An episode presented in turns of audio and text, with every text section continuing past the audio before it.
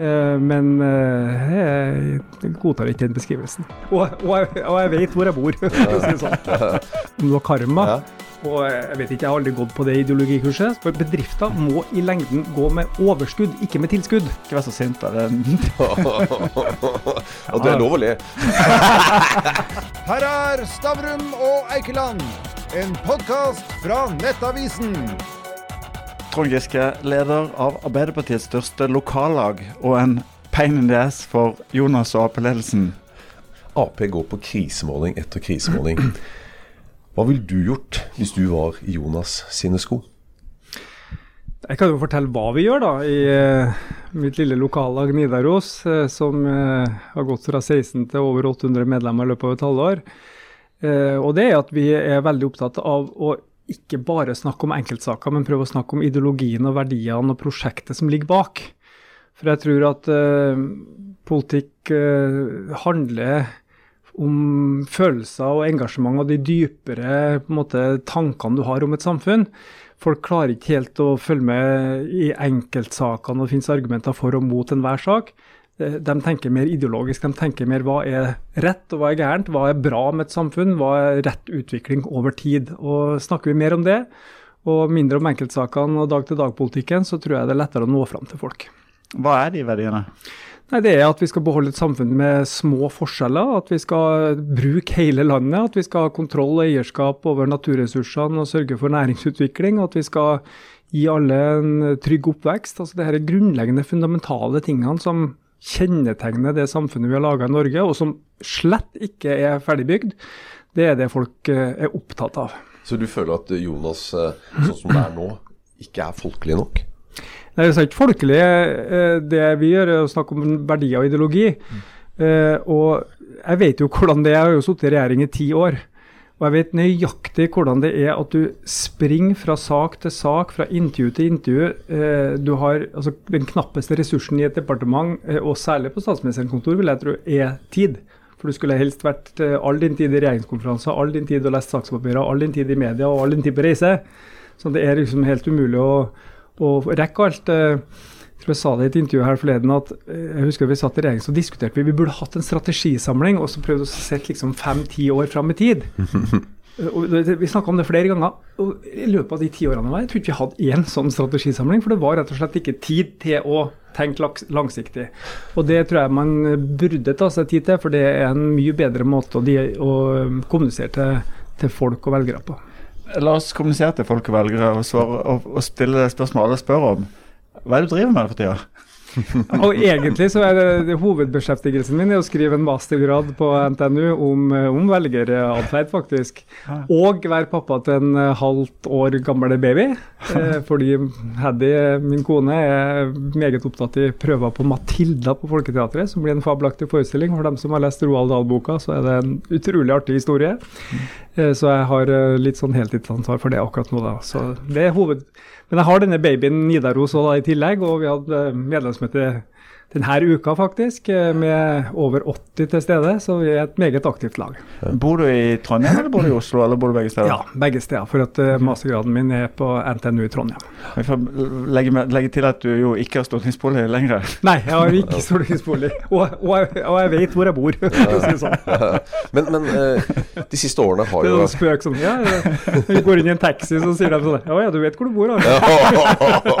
Det, det, Men, men det, har, det, har, det har jo skjedd mye i livet ditt de siste årene. Altså, Du gifta deg jo for, for noen år siden, og som, som vi snakka om i sted, at du fikk en liten datter. Eh, lille, vakre Anna, som hun eh, ble kalt. Hvordan har du det nå?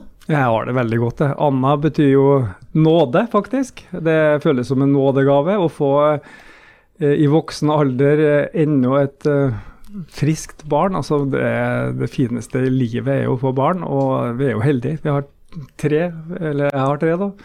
Heddy har to eh, fantastiske døtre. og I år hadde vi en russ og en førsteklassing og en baby. Så vi er liksom i alle faser av barne- og ungdomslivet.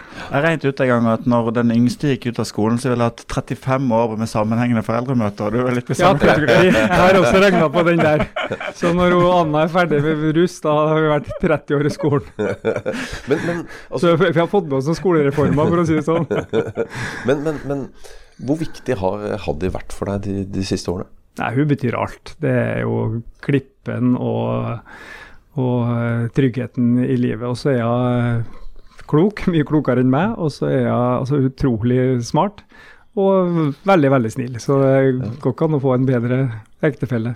Men for, for, å dra litt på det. for det er jo, Vi har jo snakka med en del både fans og motstandere foran dette intervjuet. Og det fansen sier Det er, en del av fansen dine som er veldig skuffa over det. De mener at du var Arbeiderpartiets største talent i din, i din årgang, og at du skusla bort en utrolig politisk karriere ved dumskap. Hva syns du om en sånn innvending? Nei, jeg er jo uenig i det, da. Jeg har beklaga ting, men jeg godtar ikke den beskrivelsen som uh, gis. Eh, jeg har erkjent at jeg kan ikke bruke livet mitt med tre-fire plastposer med sakspapirer og si her er fakta, dette er saken. Men jeg godtar ikke den beskrivelsen. Altså, men, men, men, din kone hun kaller dine handlinger for mektige menns naivitet i sin bok. Er det en riktig beskrivelse? Ja, men det tror jeg hele den diskusjonen dreier seg om. den dreier seg om er vi bevisst nok på den autoriteten og makta vi har? Eh, det gjelder vel egentlig både menn og kvinner, og det gjelder i mange forskjellige situasjoner. og Den makta kan jo være ulike ting. Den kan være penger, eller den kan være politisk makt, eller den kan være eh, status på andre måter. Eh, og at man skal være mye mer bevisst på det, og hvordan det påvirker andres valg, det, det mener jeg er viktig å lære av. Mm. Det, ja. Vi må også stille andre spørsmål. Denne saken har vært så omtatt opp og ned. Men det er en ting folk lurer på. Hvordan kunne du finne på å gå på bare Vulkan akkurat i den kritiske situasjonen og stille opp på en selfie-video? Nei, altså For det første så uh, mener jeg, nå har det vært aktuelt diskusjon den siste uka òg, at det må være lov å gå på fest eller på byen eller på bar, eh, selv om man er politiker. Ja. Eh, og for det andre så sier jo jeg stort sett alltid ja til en selfie. Hvis noen kommer og sier at de vil ha et bilde av meg, så, eller med meg, mm. så tenker jeg ja, ja, det er helt greit, det koster meg lite, og det betyr ofte mye for dem som vil ha det. Eh, så eh, at det var en video istedenfor et bilde, det er ikke akkurat det vesentligste. Og at den uvedkommende da sendte den videre og meldte den inn som et falsk varsel, og at en avis skrev om det og ble dømt til PFUs strengeste dom noensinne. Mm. Det må nesten dem ta ansvaret for. Men altså, maktkampen i politikken, eh, det gjelder ikke bare Norge, det gjelder jo mange land. Altså, den, den virker vanvittig brutal. Er den det? Til tider er den jo selvfølgelig det, eh, og det har vel jeg òg merka. Så Og så blir det vel kanskje sant, i en tid hvor, ja, det vet jo dere òg, klikk selv. Eh, hva er det folk trykker på? Hvor mange annonser selger du per sak? Eh, så kan det vel kanskje bli enda mer personifisert og enda mer polarisert og ja, enda mer tilspissa. Det, det, tror jeg er, er, en utvikling som vi ser. da. Jeg skal love at vi skal tilbake til maktkampen, men la oss gå rett inn i, i, noen konfliktsaker som går akkurat nå. Eh, du skrev for ikke lang tid siden en veldig interessant uh, menings, meningsytring på NRK Ytring om strømmarkedet og strømprisene. Kort fortalt, hva ville du gjort med dagens strømmarked? Ja, jeg ville ikke kutta kablene, som noen sier. Jeg ville hatt en uh, styring uh, av eksport og import av strøm. en regulering. Eh, like lite som trafikkregler er å stenge veiene, så vil en sånn regulering være å kappe kablene, men du ville hatt styring på hvor mye som gikk ut og inn av strøm. Og Da kunne du fortsatt hatt et separat norsk marked, hvor prisen var bestemt på bakgrunn av grensekosten på vannkraft, istedenfor nå hvor hele Sør-Norges pris er bestemt på grensekostnaden av naturgass. Eh, det er helt riktig at Putins krig har påvirka energiprisen i Europa fordi de er basert på russisk gass. Men grunnen til at den prisen smitter over til Norge, det er jo kablene. Hadde vi ikke hatt kabler, eller hadde vi hatt uh, regulering av den eh, trafikken på kablene, så kunne vi fortsatt hatt et separat prisområde i Norge. Det kan godt hende at vi hadde hatt litt høyere priser fortsatt, fordi at vi har litt mindre vann i magasinene, men ikke de prisene som vi ser nå. Men det er ikke mye strøm som går gjennom disse kablene, det, det er vi enige om. Men, men, tror du ikke den der effekten det vil ha på, på, EU, at hvis vi begynner å si at ok, nå skal vi kutte litt og bare for at vi skal få litt lavere strøm, at, at de vil bli veldig provosert og ødelegge for mye annet Ja, samarbeid det- vi har. En må nesten bestemme seg for det ene eller det andre argumentet. fordi at hvis det er sånn, Og det er kanskje riktig at nettoeksporten vår er 1,5 TWh, som da utgjør en halv promille av EUs strømforbruk. Da betyr det ingen verdens ting for EUs strømsikkerhet. Men det betyr all verden for vår prissetting. Fordi at eh, når børsen da bestemmer, eller kraftbørsen bestemmer prisen, så byr jo tyskere og franskmenn og de norske selskapene i det samme budgivninga. Og hvis nordmennene skal kjøpe den krafta, så må de betale det samme som tyskerne er villige til. Hvis, vi hvis, vi, hvis du har fem kroner i den tyske enden av kabelen, og prøve å selge for 50 øre i Norge, eller prøve å kjøpe for 50 øre i Norge, da får du ikke kjøpt en eneste kilowatt. Så du trenger ikke, du trenger ikke å eksportere for at du importerer prisen. Det er helt Det enig er, med det, er, det, er økonomisk, det er økonomisk ofag at kobler du to markeder sammen, så får du felles pris. Det er økonomisk ordfag, og det er helt klart det er sånn. Men da, bare for å ta videre på noen konkrete ting, da. Vil du da bygd eh, kabler mellom Sør- og Nord-Norge? Gitt at du hadde kontroll på eksporten ut og inn av landet, så er det fornuftig med en utjevning mellom nord og sør. Men hvis du ikke har det, så vil jo bare det, de 50 terawattene som finnes i den nordlige delen, bli kobla på de 2500 terawattene i Europa, og du vil få europeisk pris også i Nord-Norge og Midt-Norge, og det er ingen tjent med. Men ja, på det som skjer nå, så eh, det renner jo inn cash i den norske statskassa. Eh, gjør vi nok til å for å hjelpe Europa og Ukraina? Altså Nei, nei, men, men, men det også, også si, så Erna Solberg sa det også nå, at det var solidaritet med Europa det her å ha kraftkablene. Altså, Det kraftkablene fører til, er jo ikke kroner til Ukraina eller til Tyskland. Det fører til en massiv overføring fra forbrukere og bedrifter i Norge til kraftselskap og til staten. Det er det som skjer. Det er der pengene flyttes mellom folk og kraftselskap og stat. Og jeg vet ikke, jeg har aldri gått på det ideologikurset som sa at det var solidaritet. Eh, Så det er, en, det er en annen lære enn den jeg har stått for. Og der vi virkelig tyner Europa for penger, det er jo på gassalg. Nå står det i en eller annen avis at vi kanskje kommer til å tjene 1900 milliarder kroner i 2022. Altså det er sånne svimlende summer. Eh, at eh, du forstår ikke egentlig hva det er snakk om. Det er bortimot et statsbudsjett. Eh, og det er jo ingen som snakker om at nei, nå må vi selge gassen til halv pris for å hjelpe Europa. Jeg mener at vi skal hjelpe. Vi gir penger til Ukraina. Vi må hjelpe de fattige landene i verden som nå får høye kornpriser pga. krisen i Ukraina. Eh, så, men de der 1,5 TWh med strøm betyr ingen men, verdens ting. men tror du ikke det provoserer eh, myndighetene nede i EU? Altså, ja, det, det har ikke noe å si sånn, men, men altså bare å gjøre det altså, Tror ikke det provoserer og gjør veldig vanskelig å Nei, jeg tror det går an Altså alle land Frankrike også, driver jo, de driver jo med makspris og sånne ting. Jeg, så, jeg er jo mer skeptisk til det, fordi at det er helt riktig som økonomene sier, å sette makspris på et knapphetskode, da blir det knapphet. Det er en gammel Eh, slag i Arbeiderpartiets ja. historie å gjøre det, da. Det, ja da. Det har ikke alltid vært da, men, Jo, men da må du ha rasjonering samtidig, da. Ja, det må det. Ikke sant? Da kan du si det. Men, eh, men eh, så, så, så det går ikke. Men, eller det er i hvert fall komplisert. Du kunne, det er noen som sier at du kunne hatt makspris på et I gamle dager hadde jo eldre folk som minner om den der vippa, hvor du fikk så og så mye forbruk til en viss pris, og så brukte du over det, så fikk du en høy pris. Vel, vel, det finnes sikkert ulike modeller. Men eh, der vi virkelig kan bidra med, eh, til, til Europa, er jo å øke gasseksporten. Og vi har jo økt gasseksporten også i 2022 mye mer enn det vi bidrar med eh, vannkraft. Så der kan vi stille opp, og alle land ivaretar sin befolkning. Det kan ikke være forbudt for Norge heller å ivareta sin befolkning på en god måte, særlig når det spiller veldig liten rolle for den europeiske kraftbalansen, den strømeksporten som vi har.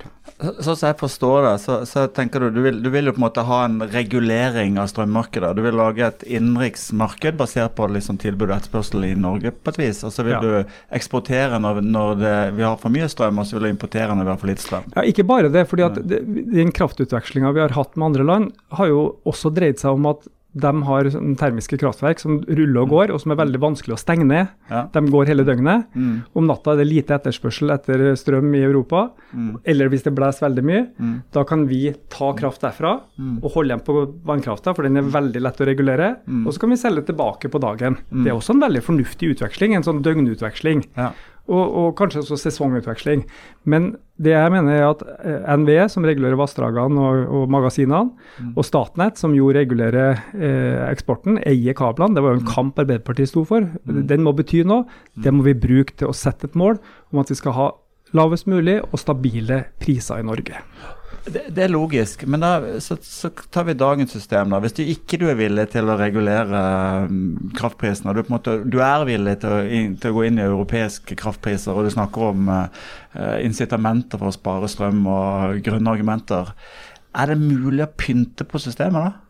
Nei, jeg tror ikke det er mulig å få pynta på systemet uten å ha en regulering av utenlandshandelen. for Er du kobla til et stort marked med, med sant, kanskje 1000 ganger da, tilsvarende det du eksporterer, så vil du få prissettinga bestemt. Altså Prisen bestemmes jo av altså, Prisen bestemmes jo ikke av gjennomsnittskostnaden på det du produserer. Prisen bestemmes av den siste enheten du produserer. Og spørsmålet er bestemmes det av vannkraft, da har du 10-20-30 øre, eller bestemmes det av nå da naturgass, da har du fem kroner.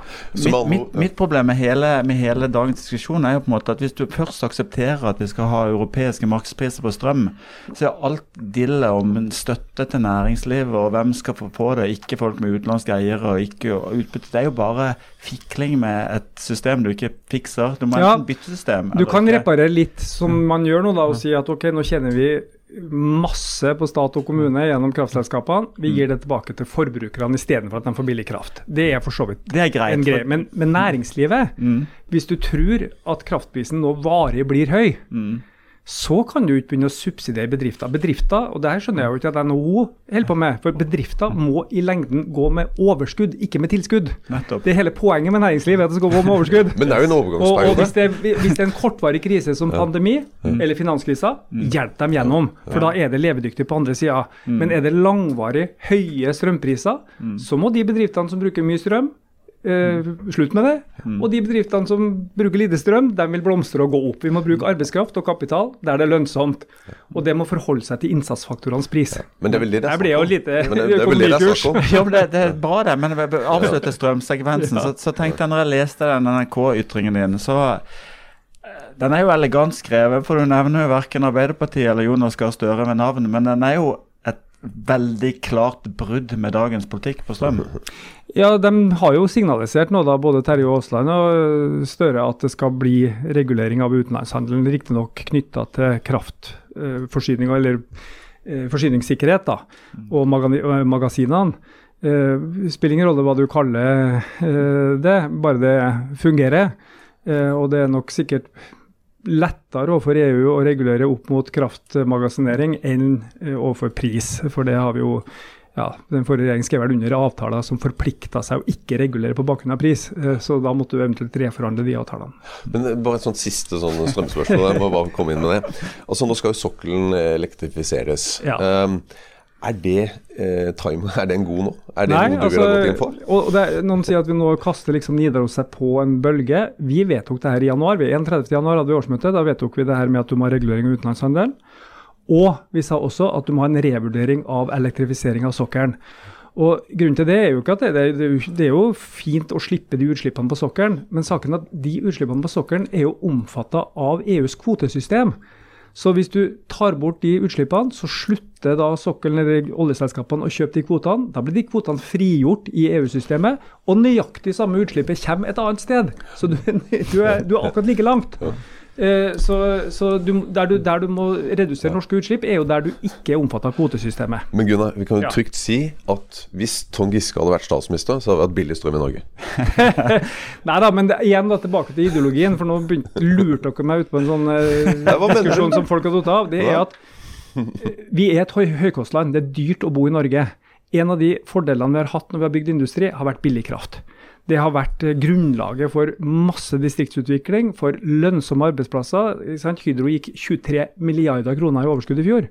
Det, det er en fabelaktig bedrift. Og, og, det er ikke kraftpris, det er aluminiumspris.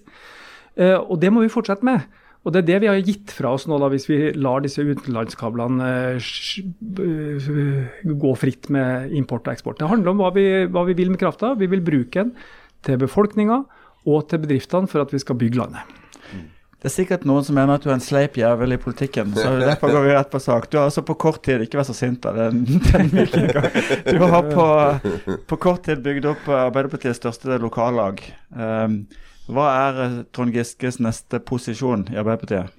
Nei, nå, jeg, jeg ante jo ikke at det her skulle bli så svært. Da jeg sa ja til å bli leder da, i fjor høst, uh, så, var vi 16, så var vi 16 medlemmer. ja, altså Det største laget i Trondheim på den tida var jo 200, så jeg tenkte ja, vi kan kanskje, kanskje matche det en gang til neste år. Så ble vi jo 300 før jul. Vi fikk jo 100 medlemmer i uka der, en vending før, før 1.1. Og så har det bare strømma på, skal vi kanskje si det sånn. Eh, vi var vel 600 da før sommeren, og så har vi fått litt ekstra nå fordi det har vært stor oppmerksomhet om strømsaken. Så det er veldig moro. Og det, det er jo litt artig, syns jeg, å se at folk er veldig engasjert. Altså de, de har meninger, de ønsker å diskutere. Og har vel kanskje opplevd måten vi har jobba på tidligere som litt traust og litt uh, Ja, det, det, er jo, det, er jo veldig få mennesker i Norge som faktisk er med i partiet. og Folk har vært ganske overraska, tror jeg, hvis de så hvor kort vei det er fra å melde seg inn til å, å kunne være ganske aktiv. Og Det prøver vi å være da, og vise at det går an å engasjere seg på litt nye måter. Og så har vi det artig i tillegg, da. Du, jeg skulle nesten tro han var politiker, men jeg har ikke glemt spørsmålet. Du, skulle liksom, nå er du plutselig ikke blitt en langsiktig strateg lenger. Hva, hva, du, hva vil du oppnå i Arbeiderpartiet? Nei, altså det jeg vil nå er å få det Nidaros-laget mitt til å fungere så godt at de som er medlem føler at de faktisk får påvirkning. At de faktisk får innflytelse. At vi gjør ting på nye måter. Eh, Eh, jeg tror jo veldig på den der strategien om å hva heter det, ikke forbanne mørket, men å tenne et lys. Altså gjør de rette tingene sjøl, istedenfor å være sur og si nei, de gjør det på en feil måte, eller sånn. sånn så ikke bare gjør det. Og så smitter det. sant? Det er jo andre lag i Trondheim i hvert fall som kikker litt over gjerdet. Oi, hva driver de med der? Det så artig ut. Kanskje vi skulle gjøre litt sånn. Og så, og så sprer det seg, og så skaper vi humør og stemning. og det å få 700-800 nye medlemmer i en tid hvor Arbeiderpartiet ligger på 19-20 det, det er liksom litt mot strømmen. da. Ja. Eh, og det, Jeg tror det er der vi må, må, bygge opp. Vi må bygge opp nedenfra. Prøver igjen, da. Trond Giske, personen Trond Giske. Ja. Ti år i regjering, eh, ledende ja. verv i Arbeiderpartiet, sentralstyremedlem, nestleder. Eh, nå leder av et lokallag. Eh, hva er ambisjonene dine i partiet? Hva er dine ambisjoner? Nei, akkurat nå har jeg ikke noen annen ambisjon enn å gjøre, gjøre jobben der jeg har. Jeg. Altså, I forfjor kjøpte jeg en campingvogn og malte den rød og kjørte rundt i landet. Nå har jeg vært uh, leder av et lokallag i et halvår. Jeg syns det er kjempeartig. Jeg trives med det og skal holde på med det i god stund. Hva, hva, hva, tror du, Ola? Altså, jeg, jeg, tror han har lyst til å tilbake til rikspolitikken. Jeg, da. Så jeg tror eh, det er en drøm der, uh, for å si det sånn. Men, men, jeg har litt lyst til å litt tilbake til den maktkampen i politikken. Um, det at Hadia Tajik måtte gå av som både nestleder og minister i, i vinter, eh, var det karma? Om det var karma? Ja. Nei, det var vel en konsekvens av saken, vil jeg tro. Jeg tror ikke så veldig mye på sånn overnaturlige ting. Jeg tenker at ting skjer eh, fordi de skjer, ikke av en høyere grunn. Tente du et lys, eller spretta du champagnen? Nei, jeg, jeg syns egentlig det er trist at uh, Altså, jeg sier litt annerledes. Arbeiderpartiet på sitt beste og sitt sterkeste er en bred koalisjon av ulike miljøer, ulike generasjoner, ulike typer. Eh, ta nå Stoltenberg I-regjeringa eh, i 2000, for da jeg kom inn første gangen. Sant? Du hadde en Hill Martha, du hadde en Knut Storberget, du hadde en Bjarne Håkon, du hadde Karita Bekkemellom, du hadde Jens Stoltenberg, du hadde meg. Du hadde liksom folk som kanskje ulike grupperinger i samfunnet kjente seg igjen i, men som hadde et felles prosjekt bygd på igjen da, den grunnleggende ideologien om rettferdighet og fellesskap og et, et trygt samfunn for alle. Eh, og da er det synd når det liksom splittes litt opp og, og blir dragninger eller til og med kamper innad. Eh, da blir vi svake. Eh, og, og i juni i år var det altså fem år siden Arbeiderpartiet sist var over 30% oppslutning. Da snakker vi jo ikke lenger om Da, da kan du finne forklaringer på en enkelt sak eller en enkelt person. Da er det noe dypere. Eh, og det tror jeg er litt at denne brede koalisjonen eh, har blitt svekka. Ja. Men, men, du måtte stille opp på NRK eh, og beklage eh, i beste sendetid på Dagsrevyen. Det var, da, det var, etter et møte du hadde bl.a. med Jonas og, og, og Ap-ledelsen. I ettertid så var kanskje ikke det det smarteste du, du har gjort, men føler du deg dolket i ryggen av Jonas og Hadia? Jeg føler at det var rett å gjøre det som jeg gjorde det. var, men det var helt sikkert eh, ikke taktisk lurt. Eh, for det har jo vært brukt for det det har vært av dem som ønska det i ettertid. Så dem som sier at man må bare legge seg flat og uh, si beklager uh, Du skal tenke deg godt om i hvert fall før du vurderer det. fordi det, det, det, om det er en oppskrift ø, å komme seg ut av noe, det tror ikke jeg noe på. Men Nei. at det var rett å gjøre det, det syns jeg fortsatt. Ja, men, men, men eh, jeg tenker sånn eh, rent rettssikkerhetsmessig, for du satt der alene i den leiligheten sammen med dem. Det var første gang du fikk høre disse anklagene mot deg, sånn hva det var. Og så plutselig så sitter du på Dagsrevyen og, og beklager. Altså det, det var jo et press som de kom med, som, som var kanskje vanskelig å, å stå imot. Ja, men det var nå mitt valg å gjøre det. Eh, Men altså, til mye har forandra seg siden den gangen. Altså, I januar-februar 2018 så var jo eh, Da gikk jo eh, tror jeg mediene langt utover det de i ettertid kanskje sjøl syns var eh, riktig. Og jeg husker på Nettavisen hadde jo en sak som faktisk beskrev innholdet i disse varslene. Eh, Og da var det rett på i andre medier med anonyme mennesker som sa at nei, dette er feil eh, uten noe dokumentasjon. Og i ettertid så er jo varslene offentliggjort, og da kan man jo si at Nettavisen hadde jo stort sett rett i det man skrev. Så det var jo helt uh, vilt. Det var, det var på det, eller vilt vil jeg si, men det var, det var litt ut av kontroll måten pressen opererte på. Og, og det var jo en periode der hvor det nærmest var eh, uakseptabelt å si at man var uenig i en beskrivelse. Eh, det var jo eh, i hvert fall en som sa at vi tror på varslere. Og, og det, man skal ta alle varsel på alvor, men man må jo i hvert fall akseptere at ting kan skjes fra to sider, eller at det kan huskes annerledes etter mange år. Altså Sånn er det på en måte. Det, vi har jo 400-500 år utvikla et slags rettssystem da, hvor man sier at ok, det er lov å se ting fra to sider, og det tror jeg vi må akseptere det her på dette området òg. Men uh, igjen, altså, nå er det fem år siden. Jeg tenker igjen, uh, jeg kunne ha blitt en han som gikk rundt med bagen full av papirer og sa bare se her, se her. Men det, det, det er bedre å gå videre. Fem år sier at tiden flyr når du har det gøy? Ja, Men du, til, tilbake til Arbeiderpartiet. Du sier altså det er fem år siden også Arbeiderpartiet var over 3 Og Hvis du tar, tar Arbeiderpartiets partihistorie, da, siden du nå skriver en masteroppgave om på Ja. velgeratferd, skal vi si at dere partiet starter som et klasseparti eh, Ja. for en klasse, og så blir det etter hvert et folkeparti som på en måte bygger landet. ja. Eh, og så er det jo interessant å lure på hva det er i dag, da. Og eh, noen vil vel si at det også er, har blitt et karriereparti for eh, en del tillitsvalgte. Og at det er vanskelig å tenke seg at det faktisk representerer folk flest, når man ikke består av folk flest. Nei, altså jeg skjønner jo dem som stiller spørsmål ved at folk går liksom i svingdøra inn og ut av partiposisjoner, og plutselig over til NHO, arbeidsgiverorganisasjon, og plutselig er man der, og plutselig er man der. Det, det Altså, I da, da mine besteforeldre stemte Arbeiderpartiet, eh, så hadde de jo aldri lest et partiprogram. Hadde jo aldri lest et statsbudsjett. De hadde mer enn nok med å, å fø opp fem unger og en liten eh, et småbruk. sant? Men de hadde en sånn grunnleggende tillit om at Gerhardsen og de tillitsvalgte forsto hvordan de hadde, for de kom fra samme på en måte forhold. Det var den identiteten, den tilknytninga, det var det sterke. Det var ikke, det var ikke, vi tror liksom at når velgernes tillit uh, forsvinner, så må vi ut og forklare alle sakene og lage en tipunktsplan eller hundrepunktsplan eller noe sånt. Det er ikke det. De ønsker å vite OK, min bekymring er din bekymring. Mitt håp er ditt håp. Hvis de, hvis de føler det, så tenker de OK, han eller hun er der og slåss for meg. Det er nok. Det, da, da er jeg trygg. Der, det er der nøkkelen ligger. Og jeg tror det er mulig fortsatt. Altså, det er jo ikke mer enn sju år siden eller åtte år siden Arbeiderpartiet i Trondheim hadde over 40% Det er jo ikke sånn at det, har ikke vært en massedød i Trondheim siden da, og demografien har fullstendig endra seg. Det er samme folkene som stemte 40% på Arbeiderpartiet for sju år siden.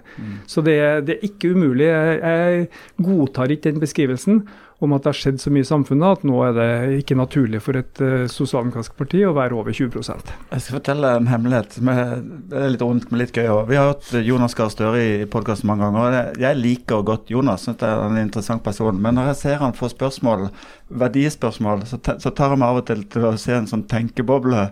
Som sånn Hva ville en sosialdemokrat svart? Ja. Og det er lov å le. Nei da, men, men, men, men, men eh, det, Ja, det er jo forska på det. Politikk er følelser. Ja. Når du, når du viser politiske budskap og politikere for mennesker måler sånn hjerneaktivitet, så er det de emosjonelle delene av hjernen som aktiviseres. Vi, for, for det går til de, igjen da, tilbake til de grunnleggende intuisjonene om hva som er rett og gærent, hva som er rettferdighet, hva som er urettferdighet, og det er følelser. Mm. Og Det er det spekteret der vi også må kommunisere på når vi snakker om hva vi vil med samfunnet. For der tror jeg nok at, eh, at uh, regjeringas hovedproblem ligger. Det ligger å kommunisere i hva var det vi ville med den regjeringsmakta. Alle vet at vi ville ha regjeringsmakt, men du må også få folk til å forstå eh, hvilket prosjekt dette var. Og Jeg er helt overbevist om at det er et prosjekt der, men folk eh, ser det ikke klart nok. Men, men, Trond, da går vi tilbake til partilederdebatten. Eh, der står Jonas. Han fikk jo seks og fem av alle eliten av aviser og medier i Norge. Du fikk vel av Nettavisen ja. så det var en del av, en del av eliten? Ja, absolutt. Det var ikke oss, da. Ja, det, det var vi, vi, vi, ga fire. Vi ga fire. Så, så, men eh, det var, det var Stefansen. Nei da. Så, så, så um, Og så han står der da og forsvarer disse strømkablene. Er ikke det litt av problemet? Da sitter jo folk der ute og sier men det er jo Jonas sin feil. Og så fortsetter du med krisemålinger uka etterpå. Ja, er ikke altså, det litt av den feil at han klarer ikke å kommunisere sånn som du gjør? Nei, altså, men Det som jeg tror folk likte med den partilederdebatten, var jo at du så eh, et engasjement. ikke sant? Han dro til og sa nei, hør nå her. For det ser du kanskje litt for sjelden, da. Eller du, jeg tror det, det folk vil se, er hvor har du hjertet ditt? Hvor er det du brenner? Altså at du brenner. Eh, det, det vant han på, tror jeg, den debatten. Men du vinner altså jeg har ikke noe trua på at meningsmålingene påvirkes av én debatt. Hvor mange er det som ser en hel partilederdebatt? 200 000 kanskje? 300 000 maks? Eh, og det er 3,5 million velgere. Så det er Akersgata og eliten i Nettavisen og andre aviser som, som, tror at det påvirker. Eh, det, men det er sant, ikke sant? Du ser en partilederdebatt, og så får du neste dag en uh, melding fra Tiber eller Fjordkraft om at i dag er krafta 6 kroner og 20 øre. Da, da er du ikke kommet så mye lenger. Må, du, må ha, du, må ha, svar i hverdagen ikke sant, som folk ser.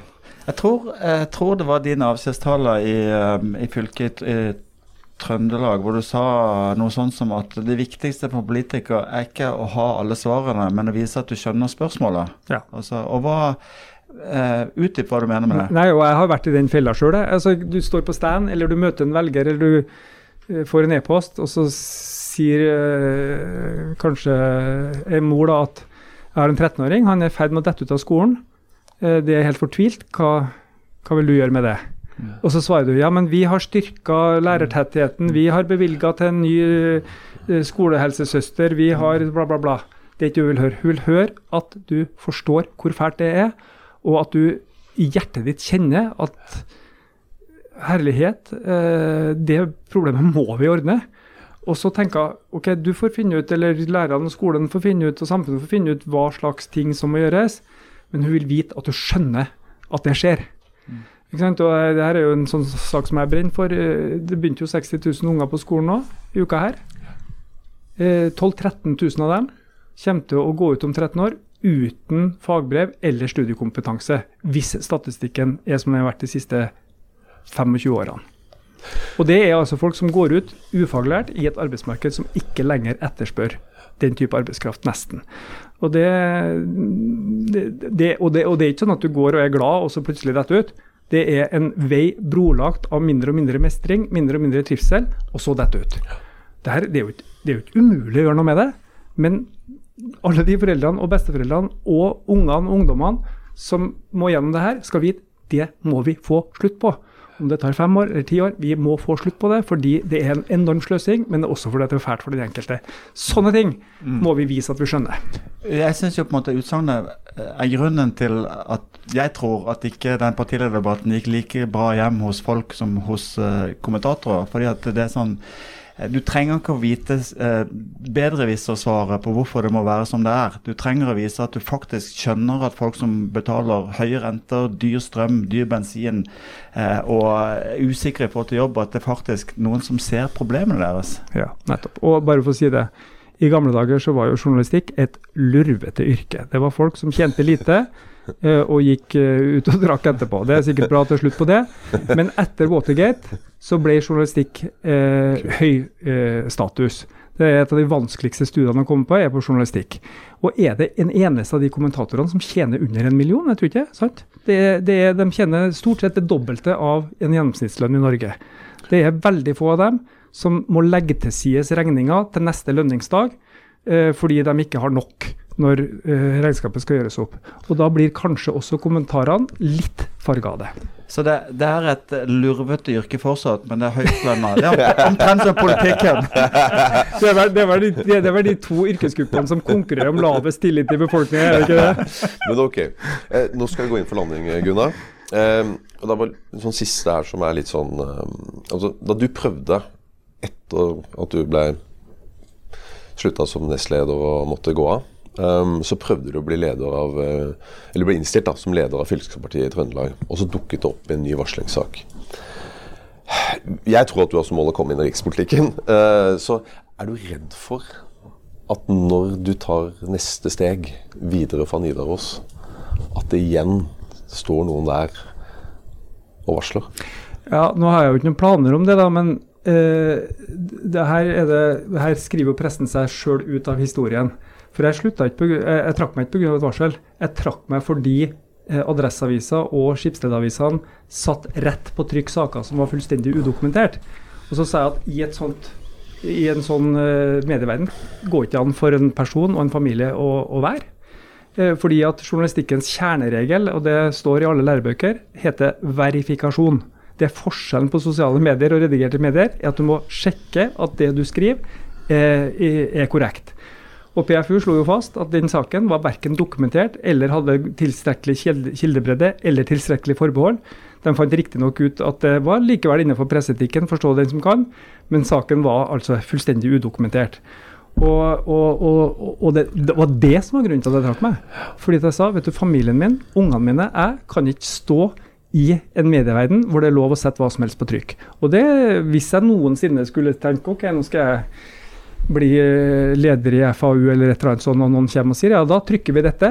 Vi har ikke noe bevis, vi har ikke noe verifikasjon, men det gjør vi. Det har de jo. De har jo makta og bukta begge endene. da. Det, det, går jo ikke an å stå i det. Ingen kan stå i det. Eh, så det, der har jo pressen selvfølgelig en enorm makt, hvis de vil. Er det en viss trøst i at du nå tar mastergraden på NTNU og på en måte gå fra å være en halvstudert røver til å bli en helstudert røver. ja.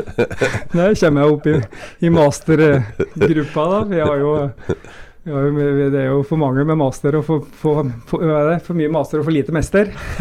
Eh, det er også en kjepphest for meg. altså Halvparten av dem som går i skolen, eh, på grunnskolen, skal ut i yrkesfag. Eh, halvparten skal på studiespes, men på ungdomsskolen alle lærere, hva har de gått på? De har gått på studiespes. For det er sånn du blir lærer.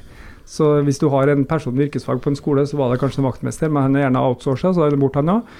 Så, så, vi forbereder jo ikke folk på de yrkene som faktisk er etterspurt.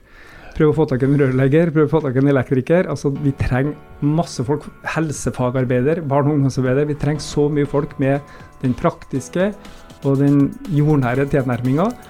Eh, så jeg, jeg hva heter det, det motsatte av å sjølprodusere meg. det å gjøre ferdig masteren min. Du fikk Stavrum og Eikeland, en podkast fra Nettavisen.